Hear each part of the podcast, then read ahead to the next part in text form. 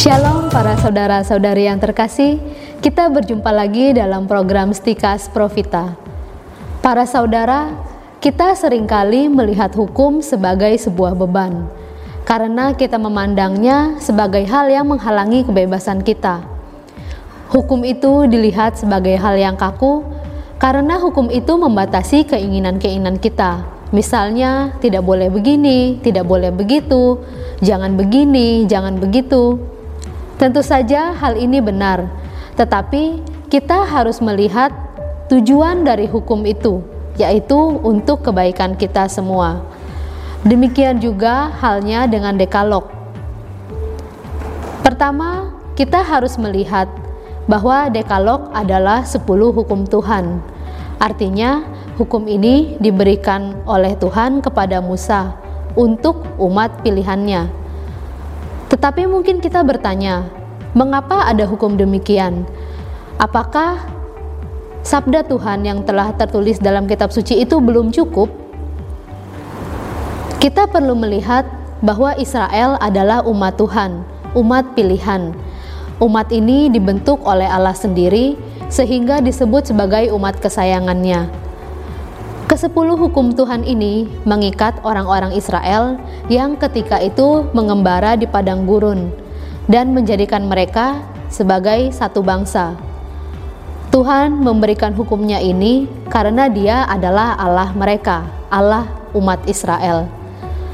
Tanpa hukum Tuhan ini, Israel akan kehilangan kesatuannya sebagai sebuah bangsa. Karena itu, hukum ini menjadi suatu kebanggaan bagi umat Israel. Tanpa hukum ini, mereka bukanlah sebuah bangsa karena pasti mereka akan tercerai-berai. Hukum ini juga yang membuat mereka menjadi bangsa yang beradab, bukan orang barbar yang hidup bebas. Bebas melakukan apa saja seturut kehendak hati dan keinginan mereka. Apalagi ketika itu mereka sedang mengembara di padang gurun yang seolah-olah tidak ada batas geografisnya. Mereka menjadi bangsa yang beradab karena mereka memiliki hukum, dan hukum ini diberikan oleh Tuhan sendiri. Itulah yang membuat mereka menjadi bangga. Namun, seperti yang pernah dikatakan, hukum ini tidak hanya berlaku untuk mereka, tetapi juga berlaku untuk kita, orang-orang Kristen, umat Allah, umat Perjanjian Lama. Sebab Yesus itu datang bukan untuk menyediakan hukum ini, melainkan Dia datang untuk mengendapinya. Artinya, Yesus datang dan membuat hukum ini bisa dilaksanakan dengan menyempurnakannya, yaitu dengan sebuah hukum yang baru, hukum cinta kasih. Dengan kata lain, adanya perintah baru ini, yaitu hukum cinta kasih, sama sekali bukan untuk meniadakan hukum yang lama atau dekalog. Untuk itulah, kita sebagai orang-orang Kristen masih mengakui Perjanjian Lama, karena Yesus sendiri mengakui hukum Perjanjian Lama yang diterima Musa di Gunung Sinai. Hukum ini adalah hukum Allah, tentu berbeda dengan hukum buatan manusia. Untuk itu, Hukum dekalog ini sering kali disebut sebagai 10 firman Allah. Secara ringkas, isinya menyatakan kewajiban-kewajiban mendasar manusia terhadap Allah dan sesamanya. Maka mereka dengan hakikatnya adalah kewajiban-kewajiban yang mengikat. Mereka tidak berubah dan berlaku selama-lamanya serta berlaku di mana-mana.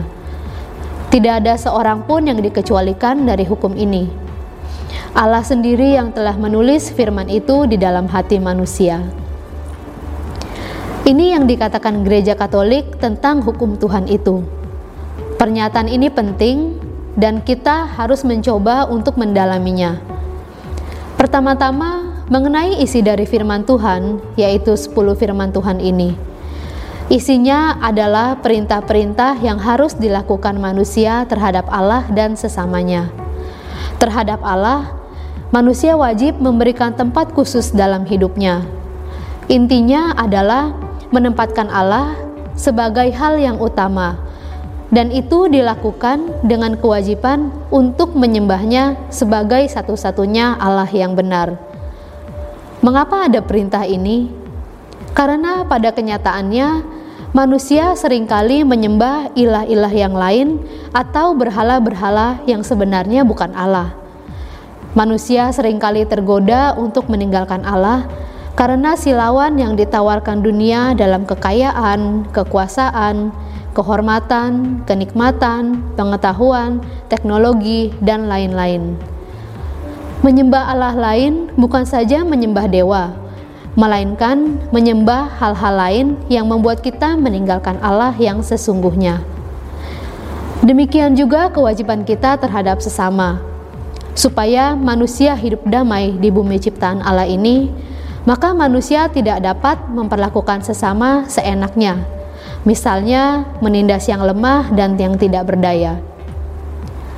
Dengan kewajiban ini, Allah ingin manusia hidup damai, hidup rukun, saling mengasihi bukan membenci, dan saling melindungi bukannya menghancurkan. Demikianlah saudara-saudara inti dari dekalog atau 10 perintah Allah.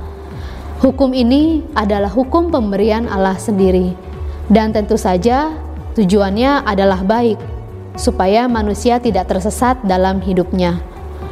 Hukum Allah ini juga yang mengatur hidup manusia supaya tetap terarah kepadanya sebagai Allah yang benar. Jadi, jangan kita pandang hukum ini sebagai beban yang menekan, tetapi kita harus bisa melihatnya sebagai jalan atau arahan yang harus ditempuh manusia selama hidupnya. Semoga saudara mencintai dan memahami kebenaran sehingga akhirnya diselamatkan. Salam Profita.